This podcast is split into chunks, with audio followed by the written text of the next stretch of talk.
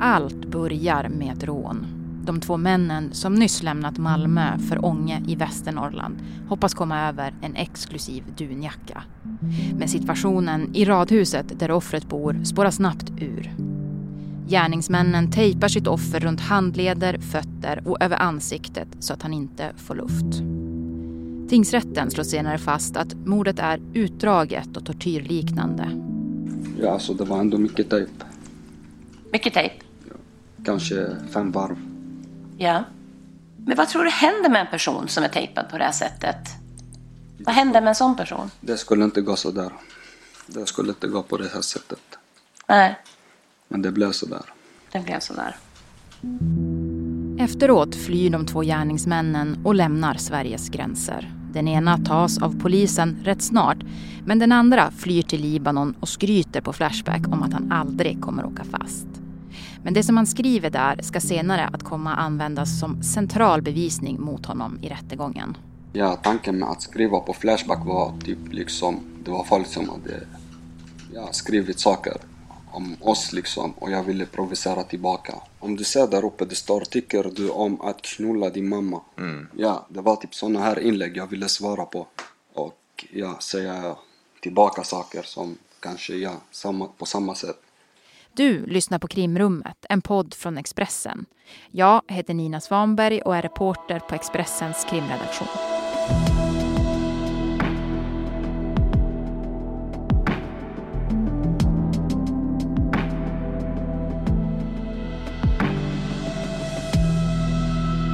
För två Malmökillar har det i slutet av 2019 blivit läge att lämna hemstaden.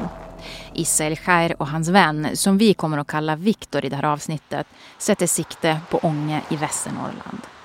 Planen med att åka hit är att begå småbrott, stjäla billampor, kränga narkotika och syssla med Blocket-bedrägerier. Väl på plats inser de att det är kallt i Ånge. Gärningsmännen har en kompis som de vet sitter på tillgångar. Mannen bor i ett radhus på orten men har också den här dyra dunjackan som gärningsmännen vill åt. Kristina Edlund Nilsson är åklagare i Sundsvalls tingsrätt och så här lät det under rättegången när Israel Khair själv berättar om hur kvällen börjar. Plötsligt nämner att det finns en kille som möjligen har en kanadagåsjacka och att han ska vara jätterik och att han har ärvt mycket pengar av hans döda mamma. Och vad är tanken där? Vad är planen? Finns det någon sån? Alltså planen egentligen var det att vi skulle gå fram till och eh, typ lura honom och ta jackan på något sätt. Vi hade inte en riktig plan. Alltså det var inte så att vi hade planerat, vi skulle se hur det går. Liksom. Gick det, gick det, gick det inte så skulle vi gå iväg. De två gärningsmännen får skjuts hem till mordoffret av två killar från orten. Hemma hos offret är stämningen i soffan spänd. Ismail Khair säger att eh, offret inte gör motstånd när rånet börjar. Han gör så som vi säger till honom att göra. Och vi säger till honom det här är ett rån. Eller jag säger det här är ett rån. Ingen kommer skada dig. Du kommer få allting tillbaka från hemförsäkringen. Så du säger att detta är ett rån? Ja. I vilket skede säger du det? Det är när vi tar upp honom. Ja. Jag tar hans mobil ifrån soffan. Den låg kvar i soffan. Jag tar hans mobil och i det här skedet jag ser det här. Att det här är ett rån och ingen kommer skada dig. Alltså jag sa till honom på ett snällt sätt liksom. Att ingen kommer röra dig, ingen kommer skada dig. Bara ge mig din lösenord till telefonen. När jag fick höra på det, alltså jag tänkte inte det var så grovt tejpat som de beskriver idag. Jag tänkte det var bara en liten sån du vet, bara för att han kanske inte ska skrika. Men sen efter när de visar videon, det är riktigt mycket tejp som snackar om. När den här tejpningen av händerna sker så beskrev du att det var mycket tejp. Ja, kanske fyra varv. Ja, precis. Kan du säga någonting om styrkan eller kraften i den där tejpningen? Eller hårdhet kanske också är Så rätt den ord. var hård. hård. Det var hårt? Ja. Vad är det som gör att du bedömer det så? Jag stod där och kollade på när. Okej.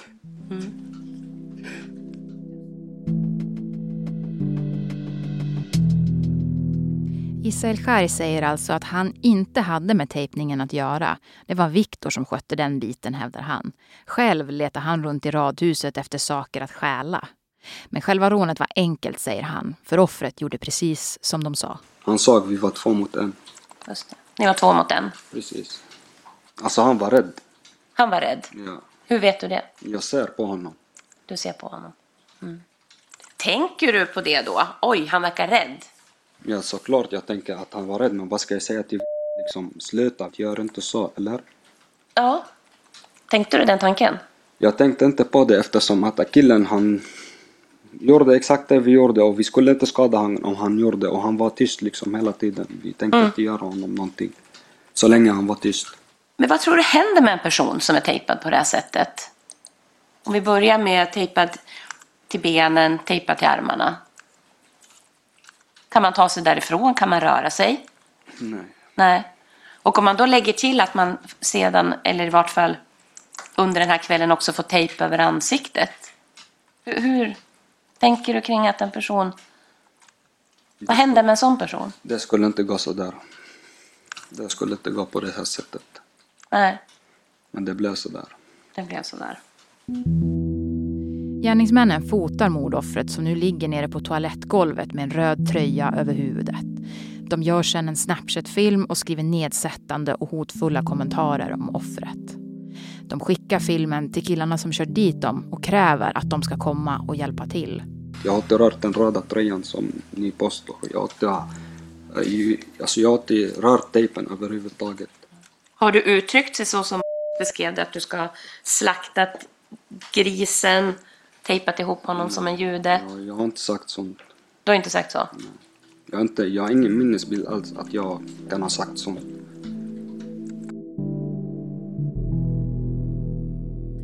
Offret kvävs. Och Issa och Viktor flyr med hjälp av de två männen från Ånge.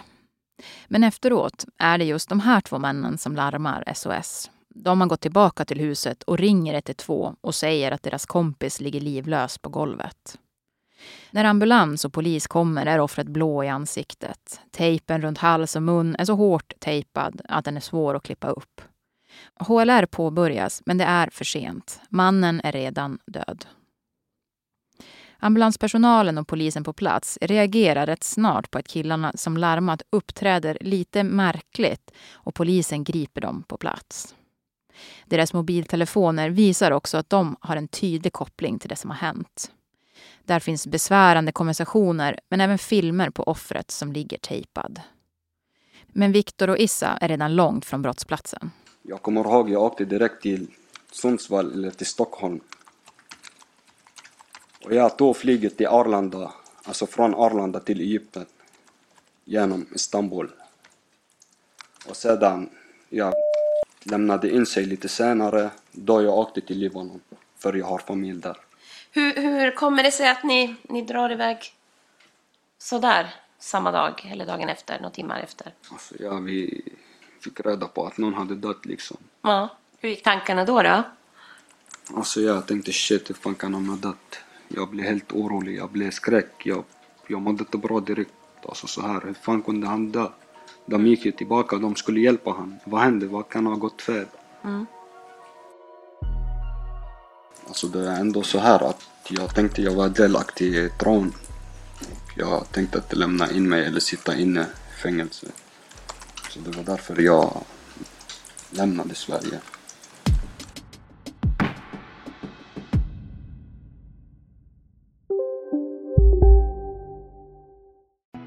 Specialister på det vi gör, precis som du.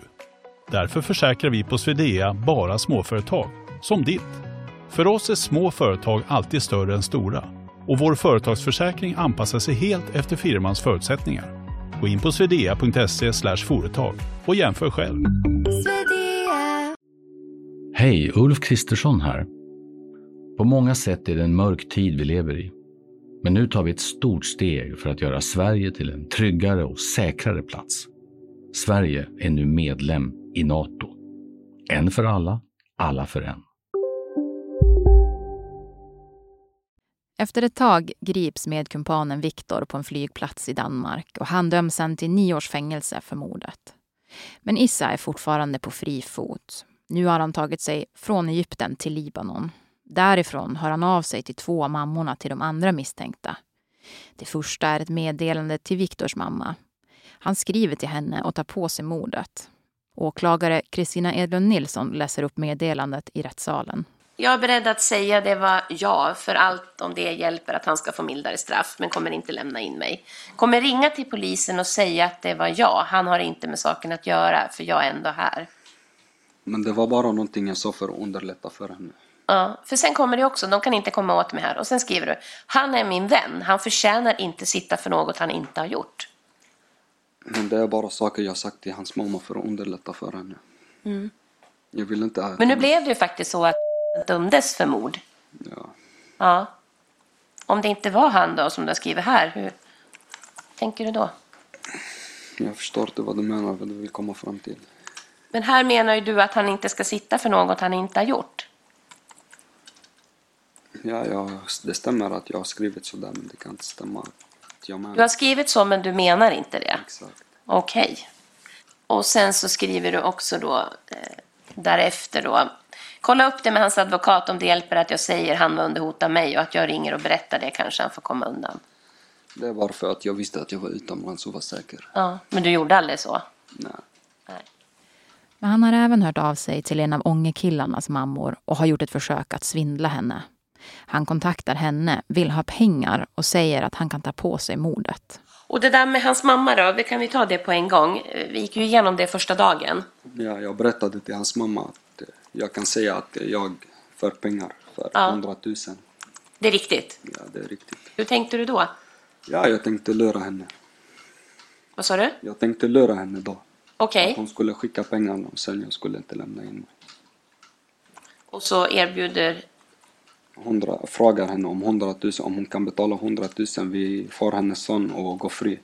Ja, Alltså jag kommer ihåg att hon inte gick med på det. hon gick inte med på det. Nej. Nej.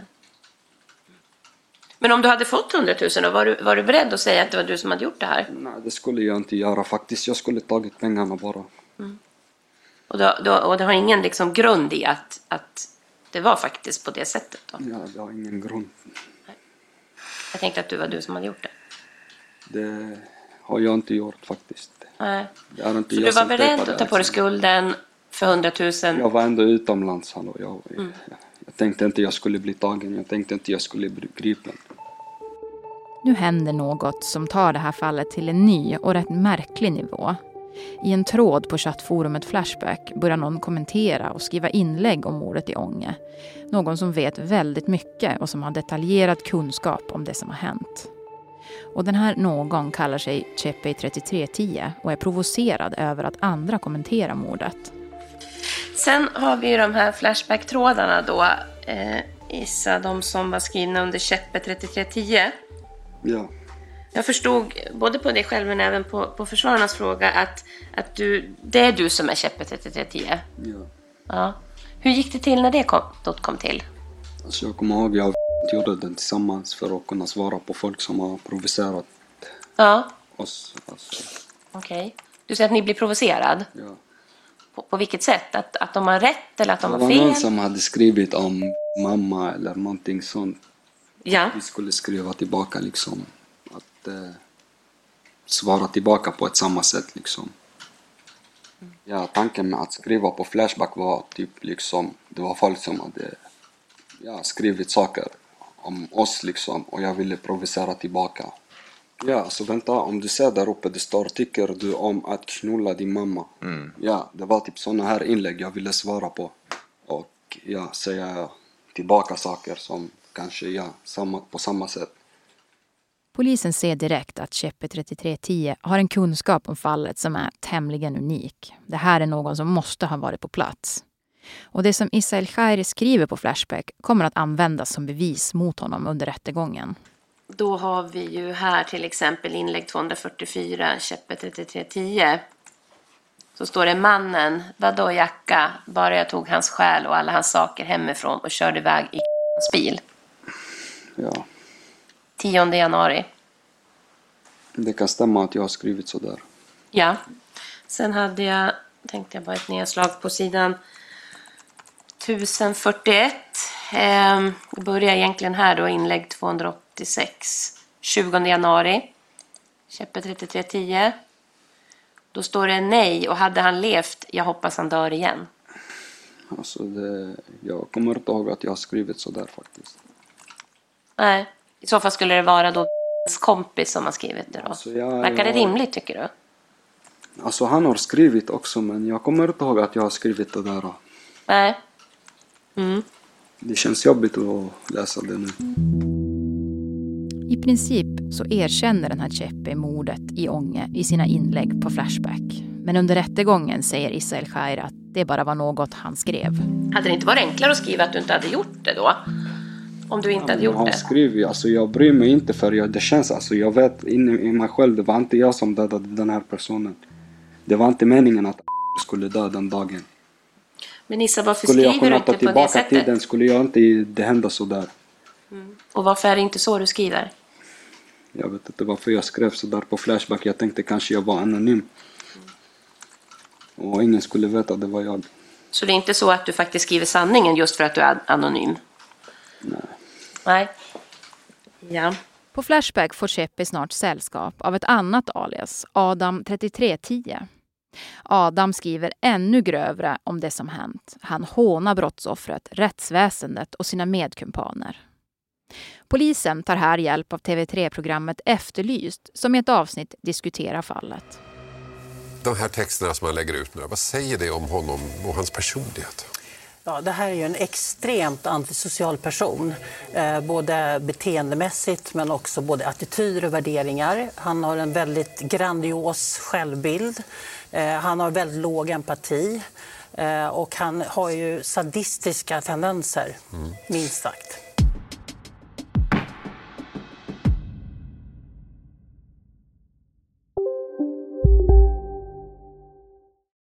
Nu på Storytel. Första delen i en ny spänningsserie. En liten flicka hittas ensam i en lägenhet. Hennes mamma är spårlöst försvunnen. Flickans pappa misstänks för brottet men släpps fri trots att allt tyder på att han är skyldig. Olivia Oldenheim på åklagarkammaren vägrar acceptera det och kommer farligt nära gränsen för vad hon i lagens namn tillåts göra. Lyssna på När allt är över av Charlotte Al-Khalili på Storytel. Hej, Synoptik här. Hos oss får du hjälp med att ta hand om din ögonhälsa. Med vår synundersökning kan vi upptäcka både synförändringar och tecken på vanliga ögonsjukdomar. Boka tid på synoptik.se. Polisen Mats Jonsson utreder fallet. Han beskriver under rättegången att Isel Khairs agerande är väldigt speciellt. Det här fallet var på många sätt unikt. Eh, Dels så tog vi hjälp av gärningsmannaprofilerargruppen som man inte alltid gör alla gånger. Och just i det här ärendet så ville de vara oss behjälplig just att det var så mycket bizarra omständigheter i- det som tydde på vissa typer av, av eh, gärningsmännen och deras beteende som gjorde att de blev intresserade av det här.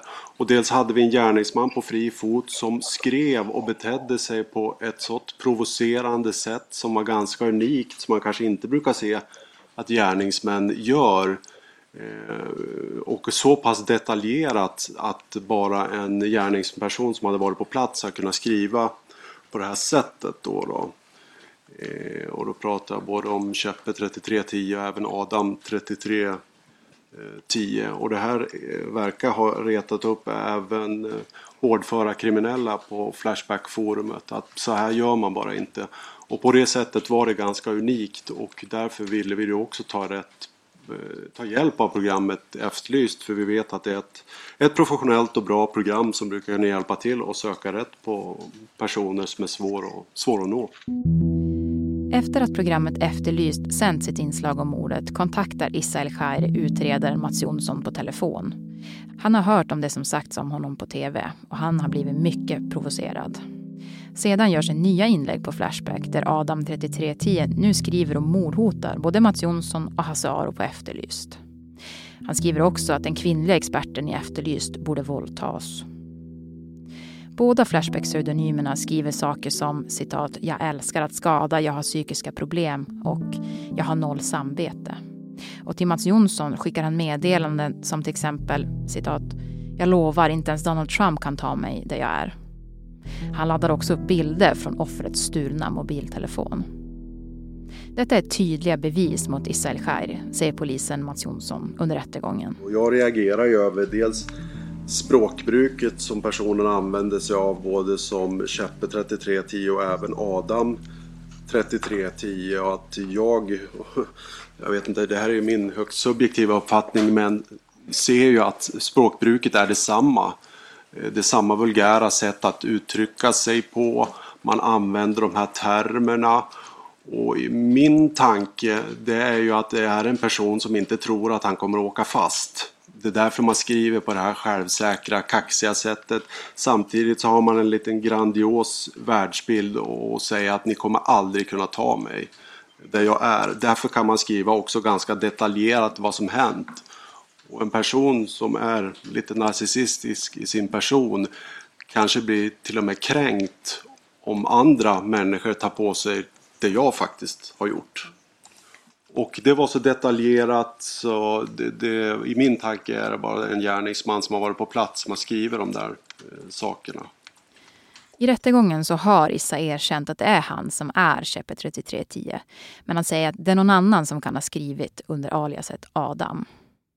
Men polisen Mats Jonsson är helt säker på att Adam 3310 och Chepe 3310 är samma person och att det är den nu dömda mördaren. I det här klippet hörs även målsägande beträde Staffan Blyberg.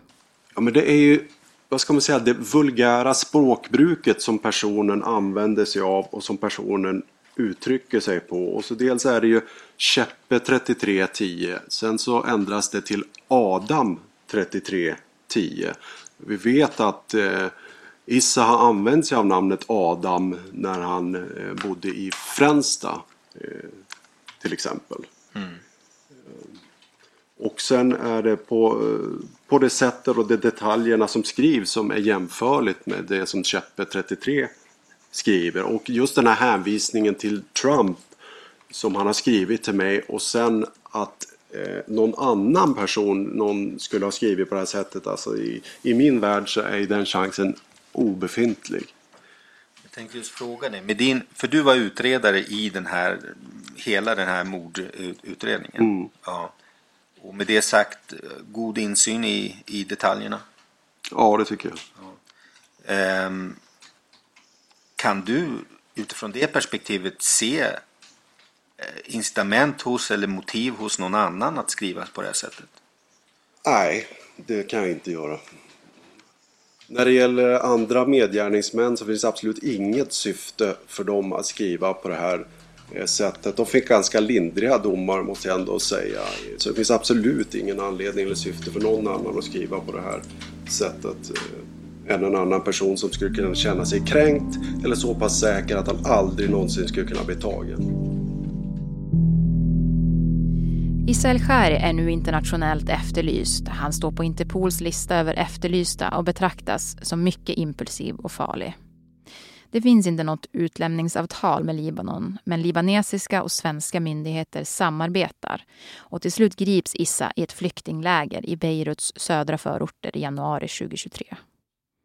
Viktor döms till nio år för mord. De andra killarna döms till medhjälp till rån och medhjälp till grov stöld.